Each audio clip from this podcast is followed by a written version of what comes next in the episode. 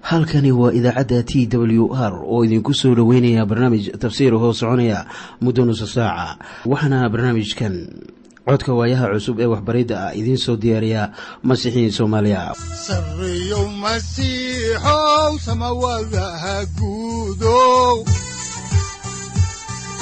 Siraadkii adduunkow subanaha eebow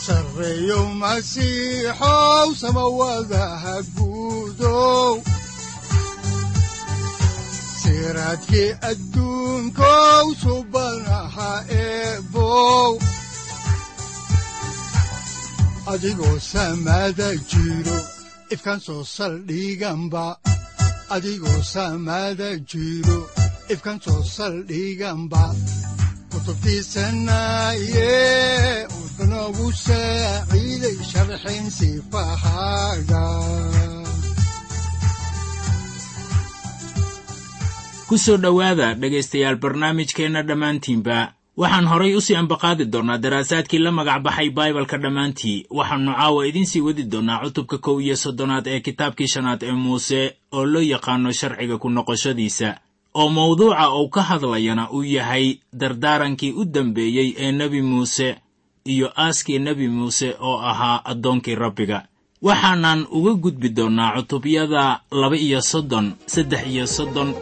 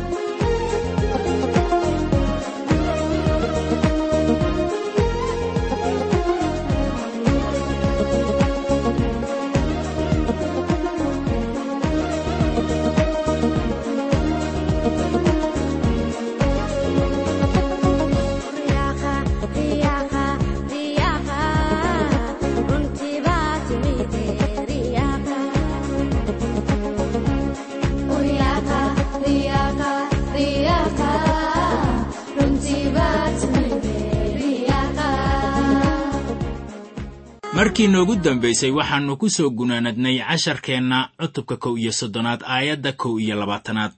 Waxaanan diiradda saarnay nebi muuse oo ahaa addoonkii rabbiga oo weli la sii dardaarmaya reer banu israa'iil. Waxaana uu kala hadlayey wax ku saabsan gabay ilaah uu doonayey inuu geliyo afka reer banu israa'iil. Haddaba gabaygaasi waxaannu ku arki doonnaa cutubka xiga kan ee laba iyo soddonaad ah waxaase xusuus leh in gabaygaasu uu ka hadlayo dhagaxeenna weyn waa ciise masiixe. Nebi muuse gabaygaas ayuu baray reer banu israa'iil waana gabay loo baahan yahay inaan wada baranno. Haddaan horay idinku sii wadno xigashada kitaabka ayaannu idin akhriyaynaa kitaabka sharciga ku noqoshadiisa cutubka kow iyo soddonaad aayadaha afar iyo labaatan ilaa lix iyo labaatan ee baalka laba boqol shan iyo lixdan ee ahdigii hore. Waxaana qoran sida tan oo markii muuse u dhammaystiray sharcigan ereyadiisii oo uu kitaab ku qoray ilaa ay wada dhammaadeen ayaa muuse u amray reer laawi oo qaadi jiray sanduuqii axdiga rabbiga oo wuxuu ku yidhi iyagii kitaabkan sharciga qaada oo waxaad ag dhigtaan sanduuqa axdiga rabbiga ilaahiinna ahu inuu halkaasi ku ahaado markhaati idinka gees ah. Haddaba marka la leeyahay kitaabkan yaanay idinla noqonin inuu la mid ahaa sida kitaabka baibalka ee aynu maanta haysanno qaab ahaan. Wuxuuse ahaa qorniin lagu qoray waraaq laalaaban amase loox dhagax ah. Hase yeeshee wakhtigii muuse wuxuu qorniinka ku qornaa waraaq duuduuban. Waxaad xusuusataa inaynu idiin sheegnay in qaybtanu ay ka hadlayso aaskii nebi muuse. Ha yeeshee nebi muuse weli wuu la sii dardaarmayaa reer banu israa'iil wuxuu isugu yeedhay qabiiladii reer banu israa'iil ahaa ee hareerihiisa joogay isla sidii yacquub oo ahaa aabbahood uu ugu yeedhay laba-iyo tobankiisii wiil markii uu dhimanayey haddaan horay idinku sii ambaqaado xigashada oo aan eego kitaabka sharciga ku noqoshadiisa cutubka kow iyo soddonaad aayadaha toddoba iyo labaatan ilaa soddon waxaa qoran sida tan. Waayo caasinimadiinna iyo madax adkaantiinna waan aqaan bal eeg intaan weli noolahay oo aan maantadan idinla joogo caasiyiin baad ku ahaydeen rabbiga. Haddaba intee baad ka sii darnaan doontaan markaan dhinto dabadeed? Haddaba bal ii soo shiriya odayaasha qabiilooyinkiinna oo dhan iyo saraakiishiinna aan erayadan dhegahooda kula hadle oo aan samada iyo dhulkana u yeedho iyaga ha ku marag fureene. Waayo waan ogahay in markaan dhinto dabadeed aad iskharribi doontaan oo aad jidkii aan idinku amrayna gees uga leexan doontaan oo ugu dambaystana masiibo baa idinku dhici doonta. Maxaa yeelay waxaad samayn doontaan wax rabbiga hortiisa shar ku ah inaad isaga kaga xanaajisaan shuqulka aad gacmihiinna ku samaysaan kolkaasaa nebi muuse shirkii reer banu israa'iil oo dhan dhegahooda kula hadlay erayadii gabaygan ilaa ay wada dhammaadeen. Waxaan idinku leeyahay hadallada nebi muuse uu kula hadlay wakhti haatan laga joogo saddex kun iyo shan boqol oo sannadood. Weli waa dhaqangal. Waxaan iminka soo gaarnay cutubka soddon iyo labaad ee kitaabka sharciga ku noqoshadiisa. Wuxuuna mawduuciisu ka hadlayaa oo keliya gabaygii nebi muuse. Waxaanse haatan ku bilaabaynaa maaddada ku saabsan baaqa loo soo jeediyey reer banu israa'iil si ay gabaygan ku maqlaan haddaba afarta tuduc ee ugu horreeya gabaygan ayaa noqonaya horudhac. Haddaan ku bilowno afartaasi tuduc oo iyaga dhaniba noqonaya ama isugu imaanaya aayadda koowaad ee cutubkan laba iyo soddonaad ayaa lagu bilaabayaa sida tan. Samooyinkow dhegaysta waan hadlayaaye oo dhulkuna ha maqlo erayada afkayga waxaannu arkaynaa in ilaah markhaati uu uga dhigayo shuruudaha uu siiyey reer banu israa'iil ee ay dhulka ku gelayaan waxaa ku qoran kitaabkii ishaaciyah cutubka koowaad aayadaha kow ilaa labo ee baalka siddeed boqol shan iyo siddeetan ee axdigii hore sida tan. Kanu waa wixii ishaaciyah ina aamoos la tusay ee uu ku arkay wax ku saabsan dalka yuhuudah iyo yeruusaalem. Waagii ay cusiyah iyo yootan iyo aaxaas iyo xisqiyah boqorrada ka ahaayeen dalka yuhuuddah samooyinkow maqla dhulkow bal wax dhegayso waayo rabbigu wuu hadlay oo yidhi carruur baan quudiyey oon koriyey oo iyana way igu caasiyoobeen marka ay joogto in ilaah la hadlo dadkiisa ayaad arkaysaa in samada iyo dhulkaba markhaati looga dhigo waxa ilaah oo ballanqaadayo sida aynu ku aragnay aayadihii hore iminkana aynu dib ugu noqonno kitaabka sharciga ku noqoshadiisa cutubka laba iyo soddonaad. Waxaanan eegaynaa aayadda labaad oo leh cilmigaygu wuxuu u soo da'ayaa sidii roobka hadalkayguna wuxuu u soo degayaa sida sayaxa sida roob yaru doogga ugu do'o iyo sida tiixu biqilka ugu tiixo. Haddaba hadallada rabbiga sidaas baa loo sifeeyaa oo waa sida roobka iyo sida roob yaru uu doogga ugu do'o zabuurlaha ayaa leh sida ku qoran zabuurka laba iyo toddobaatanaad aayadda lixaad waa baalka toddoba boqol konton iyo afare ee ahdigii hore. Sida tan isagu wuxuu u soo degi doonaa sida roob coos la jaray ku hoora iyo sida tiixyo dhulka biyeeya haddaan horay ugu soconno ayaannu dib ugu noqonaynaa kitaabka sharciga ku noqoshadiisa cutubka laba iyo soddonaad aayadda saddexaad waxaana qoran sida tan. Waayo anigu waxaan naadiyaa magacii rabbiga idinku weyneeya ilaaheenna. Waxaa halkan laynoogu sheegayaa inaan ilaah weynayno waxaan mar waliba ka fekeraa heesaha soomaaliga ah ee aan runta ku sallaysnayn oo haddana ilaah magaciisa la soo qaadanayo. Markii aad dhegaysato heesaha waxaad garanaysaa inaan loogu talagelin in dadka lagu wacyigeliyo wax ilaah ku saabsan laakiin ay dantu tahay un in lacag lagu helo. Waxaana soo baxaya inaan cidina ilaah danka lahayn kan heesaya iyo kuwa dhegaysanayaba haddaan horay idinku sii wadno xigashada kitaabka sharciga ku noqoshadiisa ayaannu eegaynaa cutubka laba-iyo soddonaad aayadda afaraad waxaa qoran sida tan isagu waa dhagaxa shuqulkiisu waa kaamil waayo jidadkiisa oo dhammu waa caddaalad. Isagu waa ilaah aamin ah oo aan xumaan lahayn isagu waa xaq waana caadil. Waa taa tixdan tan ka hadlaysa dhagaxa sida aad arkayso. Kelmadda dhagax waxaa lagu isticmaalayaa cutubkan toddoba goor sida ciise masiix waxaa loogu yeerayaa dhagaxa. Masiixu waa dhagaxii geeska sida ku qoran warqaddii koowaad ee rasuul butros cutubka labaad aayadda lixaad. Shuqulkiisu waa mid kaamil ah. Haddaba si weyn buu gabayganu ilaah u sarraysiinayaa ilaahna wuxuu maanta inaga doonayaa inaan sidaas oo kale gabayadeenna iyo heesaheenna aynu ku sarraysiinno magiciisa. Iminka waxaynu soo gaarnay maaddada ah ama qusaysa qarankii oo laga soo celinayo xumaha ama sharka nimcada ilaah aawadeed. Haddaan xaalkaasi ka eegno xigashada kitaabka sharciga ku noqoshadiisa cutubka laba iyo soddonaad ayaannu idin akhriyaynaa aayadaha shan ilaa lix.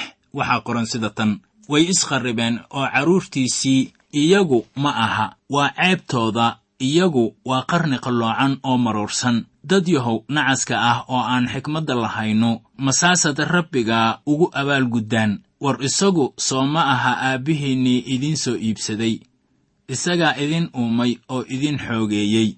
Ilaah waa aabbaha israa'iil iyadoo ay ugu wacan tahay inuu uumay iyaga. Halkanna ku sheegi maayo waa aayadihii kore eh wax furasho ah markaana ilaah waa ilaaha aabbaha ah uunka oo dhan waayo isagaa uumay aadmiga oo dhan. Markii ilaah u uumay aadan ayaa aadan wuxuu noqday wiilkii ilaah laakiin wuu dembaabay wixii intaasi ka dambeeyey ayaa wixii aadan u dhalay oo dhan laga fogeeyey ilaah oo looguma yeeri karin inay yihiin carruurtii ilaah. Haddaanay rumaysad la imaanin oo ayaan aaminin ciise masiix. Dadka aadmiga ah oo dhan waxaa loo sawiri karaa inay yihiin farac iyo dad doqomo ah. Haatanna waxaynu isla eegaynaa maaddada ah wanaagga ilaah ama jehova iminka waxaynu arkaynaa wanaagga faraha badan ee ilaah sida ku qoran aayadaha toddoba ilaa sagaal. ee cutubka laba iyo soddonaad. Waxaana aayadahaasu ay leeyihiin sida tan bal xusuuso waagii hore oo soo garwaaqso qarniyo badan sannadahood aabbaha weydii oo wuu ku ogaysiin doonaa. Odayaashaadana weydii oo way ku sheegi doonaan.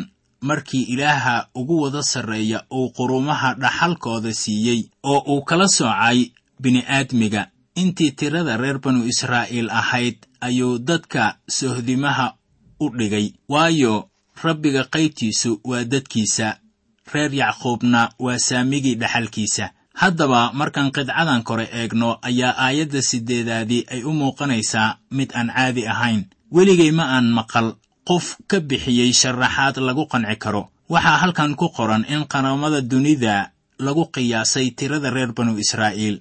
Marka dhanka kale laga eego ayaa taasu ay ka micno tahay in xuduudada qaramada loo sameeyey hab waafaqsan tirada laba-iyo tobanka ah ee reer banu israa'iil. Taasuna waa howl u baahan in baaritaan fara badan lagu sameeyo maanta. Waxay aayaddu sharaxaad ka bixinaysaa waxa yuhuudda iyo dhulkooda ay iminka u yihiin qayb muhiim ah oo wixii ka dhaca ay dunida oo dhan u saamaynayaan. Waxaannu aragnaa baryaha kan waxa ka dhaca israa'iil inay saamayn weyn ku yeelanayaan dhammaan dunida inteeda kale. Haddaan horay idinku sii wadno xigashada cutubka laba iyo soddonaad ayaa waxaa ku qoran aayadda tobanaad sida tan. Wuxuu isaga ka dhex helay dhul lamadegaan ah iyo cidlada baaba'a ah oo ay dugaaggu ka dhex ciyaan. Hareerihiisu wuu isku wareejiyey wuuna xanaaneeyey oo wuxuu isaga u dhowray sida ishiisa inankeeda. Marka ay sidan tahay ayaannu haatan soo gaarnay warbixintii ugu weyneed ee qorniinka waxaanan ka eegaynaa cutubka laba iyo soddonaad ee kitaabka sharciga ku noqoshadiisa aayadaha kow iyo toban ilaa laba iyo toban sida tan. Sida gorgorku buulkiisii u lulo oo dhashiisii ugu korruxmo oo baalashiisa u kala bixiyo oo uu u qaado uu garbihiisa ugu xumbaaro ayaa rabbiga oo keliya isaga hoggaamiyey oo ilaah khallaadna lama joogin. Haddaba ilaah wuxuu noo xambaartaa waa haddii aynu ku kalsoonnahaye sida gorgorka uu u xumbaarto ilmihiisa. Markaasoo uu barayo sida loo duulo oo weliba wuu ina eegayaa sidaannu u duulayno iyo haddii aynu dhulka ku dhacayno iyo haddii kale. Haddii uu arko inaan khatar ku jirno wuu inaga samato bixinayaa khatartaas. Wuxuu markaasi ilaah doonayaa inaan baranno sidii aynu isaga oo keliya ugu noolaan lahayn waa sidaas oo keliya sida aynu ku sharrixi karayno wanaagga ilaah. Haddaan maaddadaasi kore ka soconno ayaannu iminkana eegaynaa cutubka laba iyo soddonaad aayadda shan iyo tobanaad. Waxaana qoran sida tan. Laakiinse yeshuruun wuu celiyey oo wax buu haraatiyey. Adigu waa cayiishay waanad buurnaatay oo xeedraysatay markaasuu ka tegey ilaahii uumay uu quursaday dhagaxii badbaadadiisa. Haddaba marka la leeyahay yesharuun ayaa taasu ay ka micno tahay magac kale ee uu israa'iil lahaa. Waxaana la leeyahay israa'iil waa cayilay oo wax buu haraatiyey. Marka la leeyahay wuu cayilay ayaa loola jeedaa inay wax badan heleen oo ay taajireen. Markaasaa la leeyahay waxay ka tageen ilaah.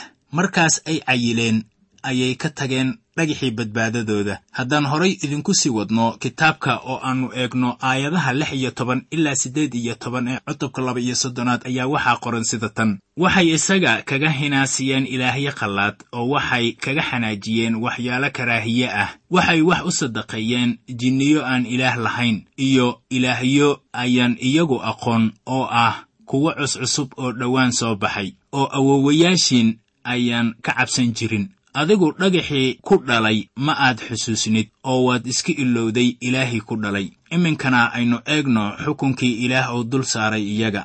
Markaan joogno halkan ayaa waxaa ku qoran aayadaha sagaal iyo toban ilaa shan iyo labaatan xukunkii ilaah dusha uu uga tuuray dadkiisa.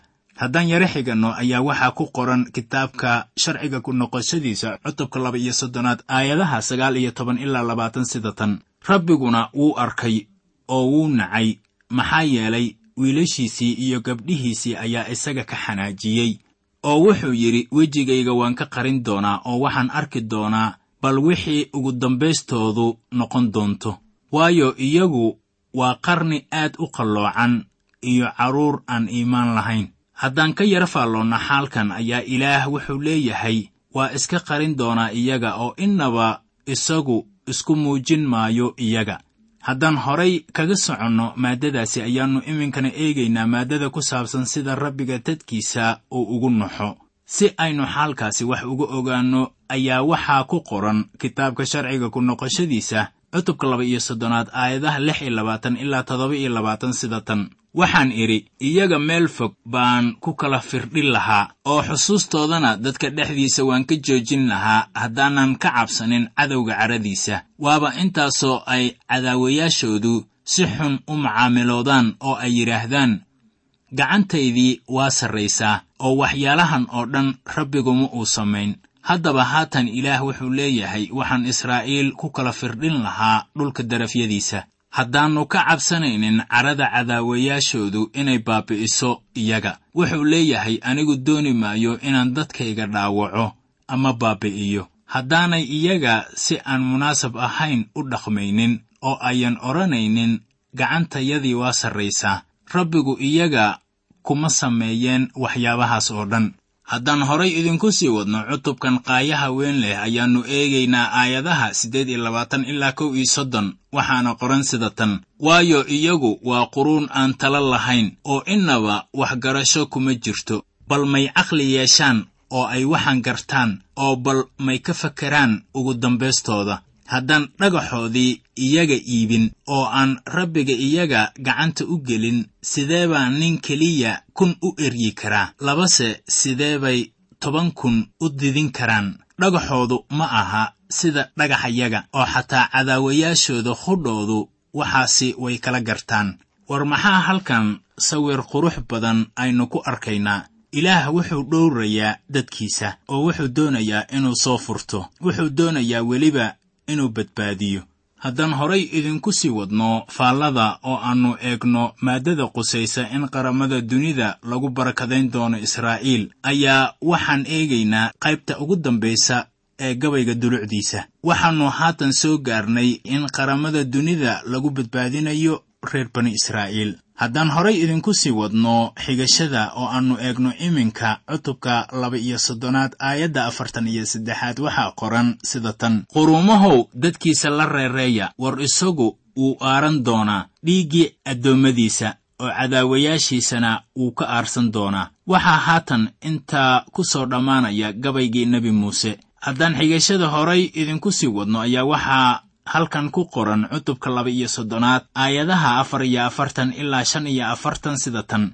Markaasaa muuse yimid oo gabaygan ereyadiisii oo dhan kula hadlay dhegihii dadka isaga iyo hosheeca ama yeshuuca inanuun markaasaa muuse uu dhammeeyey hadalkii uu ereyadan oo dhan kula hadlayey reer banu israa'iil oo dhan. Waxaannu iminka soo gaarnay maaddada ku saabsan dhiirigelintii u dambaysay ee nebi muuse wuxuuna leeyahay sida ku qoran kitaabka sharciga ku noqoshadiisa cutubka laba iyo soddonaad aayadaha lix iyo afartan ilaa toddoba iyo afartan sida tan oo wuxuu ku yidhi qalbigiinna ku qabsada kulli erayada aan maanta idiin sheegay oo dhan kuwaasoo aad carruurtiinna ku amri doontaan si ay u dhowraan ooy u wada yeelaan sharcigan ereyadiisa oo dhan waayo taasu idinma aha wax aan waxtar lahayn. Maxaa yeelay waaba naftiinnii oo waxyaalahaasi daraaddood ayaa cimrigiinnu uu ugu dheeraan doonaa dalka aad webi urdun uga gudbaysaan inaad hantidaan. Mar kale ayaannu halkan ku arkaynaa degganaanshaha dhulka inuu ku xidhan yahay addeecistooda haddaan xigashada horay idinku sii wadno ayaa waxaa ku qoran cutubka laba iyo soddonaad aayadaha afartan iyo siddeed ilaa laba iyo konton sida tan oo rabbigu isla maalintaas qudheeda wuu la hadlay muuse oo wuxuu ku yidhi waxaad fuushaa buurtan cabbaariim oo ah buur nebo oo ku dhex taal dalka reer mo'aab oo ka soo hor jeeda yarixo oo bal waxaad fiirisaa dalka reer kancaan oo aan reer banu israa'iil hantida u siinayo oo kolkaas ku dhimo buurta aad fuulaysid oo dadkaagii la urur. Sidii walaalka haaruunba ugu dhintay buur xor oo uu dadkiisii ula ururay. Maxaa yeelay waad igu xadgudubteen idinkoo reer banu israa'iil dhex jooga markaad joogteen biyihii meeribaah oo ku taal kaadesh oo cidladii siin ku dhex taal. Waayo reer banu israa'iil dhexdooda quduus igagama aydan dhigin. Haddaba dalka hortaadaad ka arki doontaa laakiinse geli maysid dalka aan reer banu israa'iil siinayo. Muuse oo ahaa midkii u taagnaa sharciga oo dadka u soo bandhigay ayaan geli karaynin dhulka. Waxaannu iminka soo gaarnay cutubka saddex iyo soddonaad oo aynu dulmarayno. Waxaana cutubkan oo dhani uu ka hadlayaa ducadii muuse uu u duceeyey qabiiladii reer banu israa'iil howshii nebi muuse oo ka dhexeeyey dadka intaannu dhiman ka hor ayaa ahayd inuu intuu dadkiisa isku keeno dabeeto ugu duceeyo qabiilqabiil haddaan bilowno xigashada ayaa waxaa aayadda koowaad ee cutubka saddex iyo soddonaadi ay leedahay sida tan. Tanu waa muuse oo ahaa addoonkii ilaah ducadiisii uu reer banu israa'iil ugu duceeyey intuusan dhiman. Waxaa markaasi muuse uu ku bilaabayaa ducadiisa reer rubeen oo wuxuu leeyahay sida ku qoran aayadda lixaad ee leh rubeen ha noolaado oo yuusan dhiman oo raggiisu yuusan yaraan. Haddaba muuse wuxuu reer rubeen ugu duceeyey inayan baabi'in qabiil ahaan. Marka ay ka mid yihiin reer banu israa'iil aayadda toddobaad ayaa leh tanu waa ducadii yuhuuddah uu ugu duceeyey isagoo leh rabbiyow codka yuhuuddah maqal oo isaga dadkiisa soo dhex geli gacmihiisu ha ku filnaadeen oo adiguna ka caawi cadaawayaashiisa haddaba qabiilka yuhuudah waa kan boqortooyada kaasoo masiixu uu ka soo daahiri doonay. Haddaan horay idinku sii ambaqaadno ayaa waxaa ku qoran cutubka saddex iyo soddonaad aayadda siddeed iyo tan toban iyo tan kow iyo toban sida tan. Oo markuu laawi u ducaynayeenna wuxuu yidhi tumiimkaagii iyo umiimkaagii waxay la jiraan kaada aad jeceshahay oo aad maasaah ku tijaabisay oo aad biyihii meribaah agtooda kula dirirtay waxay reer yacquub bari doonaan xukumadaada reer banu israa'iilna sharcigaaga. Hortaada waxay soo dhigi doonaan foox oo meeshaada allabarigana waxay saari doonaan allabari dhan oo la gubo haddaba rabbiyow xoolihiisa barakee oo shuqulka gacmihiisana aqbal oo kuwii isaga ku kaca iyo kuwa necebna dhexda ku dhufo si ayaan mar dambe u kicin. Haddaba qabiilka reer haaruun ayaa lagu sharfay inay walaalahooda wax ka baraan sharciga oo qarankana waxaa lagu barakadaynayaa reer laawi. Waxay barakadu ugu imaanaysaa reer laawi qabiilka reer haaruun oo ka soo farcamay reer laawi haddaba baraka yaab leh ayaa waxay ku qoran tahay aayadda afar iyo labaatanaad. Waxaana ku qoran sida tan oo markuu aasheer u ducaynayeyna wuxuu yidhi aasheer ku wiilashiisa ku dhex barakadaysan ha ahaado oo hana ahaado kan wiilashiisa ay u bogaan oo cagtiisana saliid ha daro haddaan ka soo soconno oo aan soo koobno cutubkan ayaannu iminka eegaynaa aayadaha lix iyo labaatan ilaa sagaal iyo labaatan waxaana qoran sida tan. Yashuruunow wax ilaah la mid ah ma jiro kaasoo samada u fuula inuu ku caawiyo cerkana sharaftiisa u fuula. Ilaaha daa'imka ahu waa hoygaaga oo waxaa kaa hooseeya gacmo weligood jira oo cadowgana hortaaduu ka tuuray oo yidhi baabi'i oo israa'iil oo ah isha yacquub oo keliya ammaan buu ku deggan yahay dal sarreen iyo kamri leh oo waxaa samada uga soo da'a sayaxa. Reer banu israa'iilow waad faraxsan tihiin bal yaa idinla mid ah oo ah dad uu rabbiga badbaadiyey. Kaasoo ah gaashaanka caawimaaddiinna iyo seefta sharaftiinna. Cadaawayaashiinnu way isku kin dhiibi doonaan oo waxaad cag marin doontaan meelahooda sarsare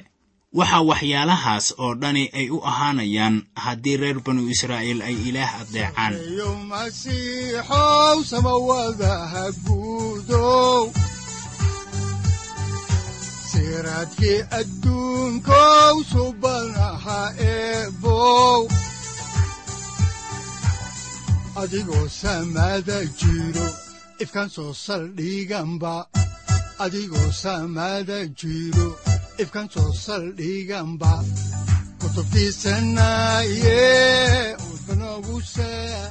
halkani waa t w r idaacadda t w r oo idinku leh ilaa ha idin barakeeyo oo ha idinku anfaco wixii aad caawi ka maqasheen barnaamijka. Waxaa barnaamijkan oo kalea aad ka maqli doontaan habeen dambe hadahan oo kale haddiise aad doonaysaan in aad fikirkiina ka dhiibataan wixii aad caawi maqasheen ayaad nagala soo xiriiri kartaan som t w r at t w r c o k e haddii aad doonaysaan in aad dejiisataan oo kaydsataan barnaamijka ama aad mar kale dhegaysataan fadlan mar kale booqo www t w r o r g amase www t t b t w r o r g. Amase waxaad teleefoonkaaga ku kaydsataa ama ku download garaysataa agabyada ku sahli karaa dhegeysiga t w r haddii aad doonayso in laga kaalmeeyo dhinacyada fahamka kitaabka amase aad u baahan tahay duco fadlan fariimahaaga soo mari bogga aaraahda ama kommentska inana jawaab deg deg ah ayaanu ku soo diri doonaa amase ku siin doonaaye. Sarreyow masiixow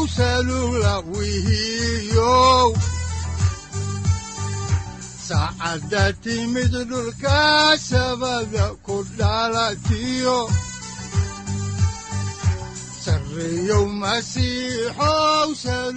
halkani waa t w r oo idiin rajaynaya habeen baraare iyo barwaaqaba leh. Inta aynu ka gaari doono wakhti aynu ku kulanno barnaamij la mida kan caawayay aad maqasheen. Waxa aan idinku leeyahay nabadda ciise masiix ha idinku badato xagga jidhka iyo ruuxaba. Aamiin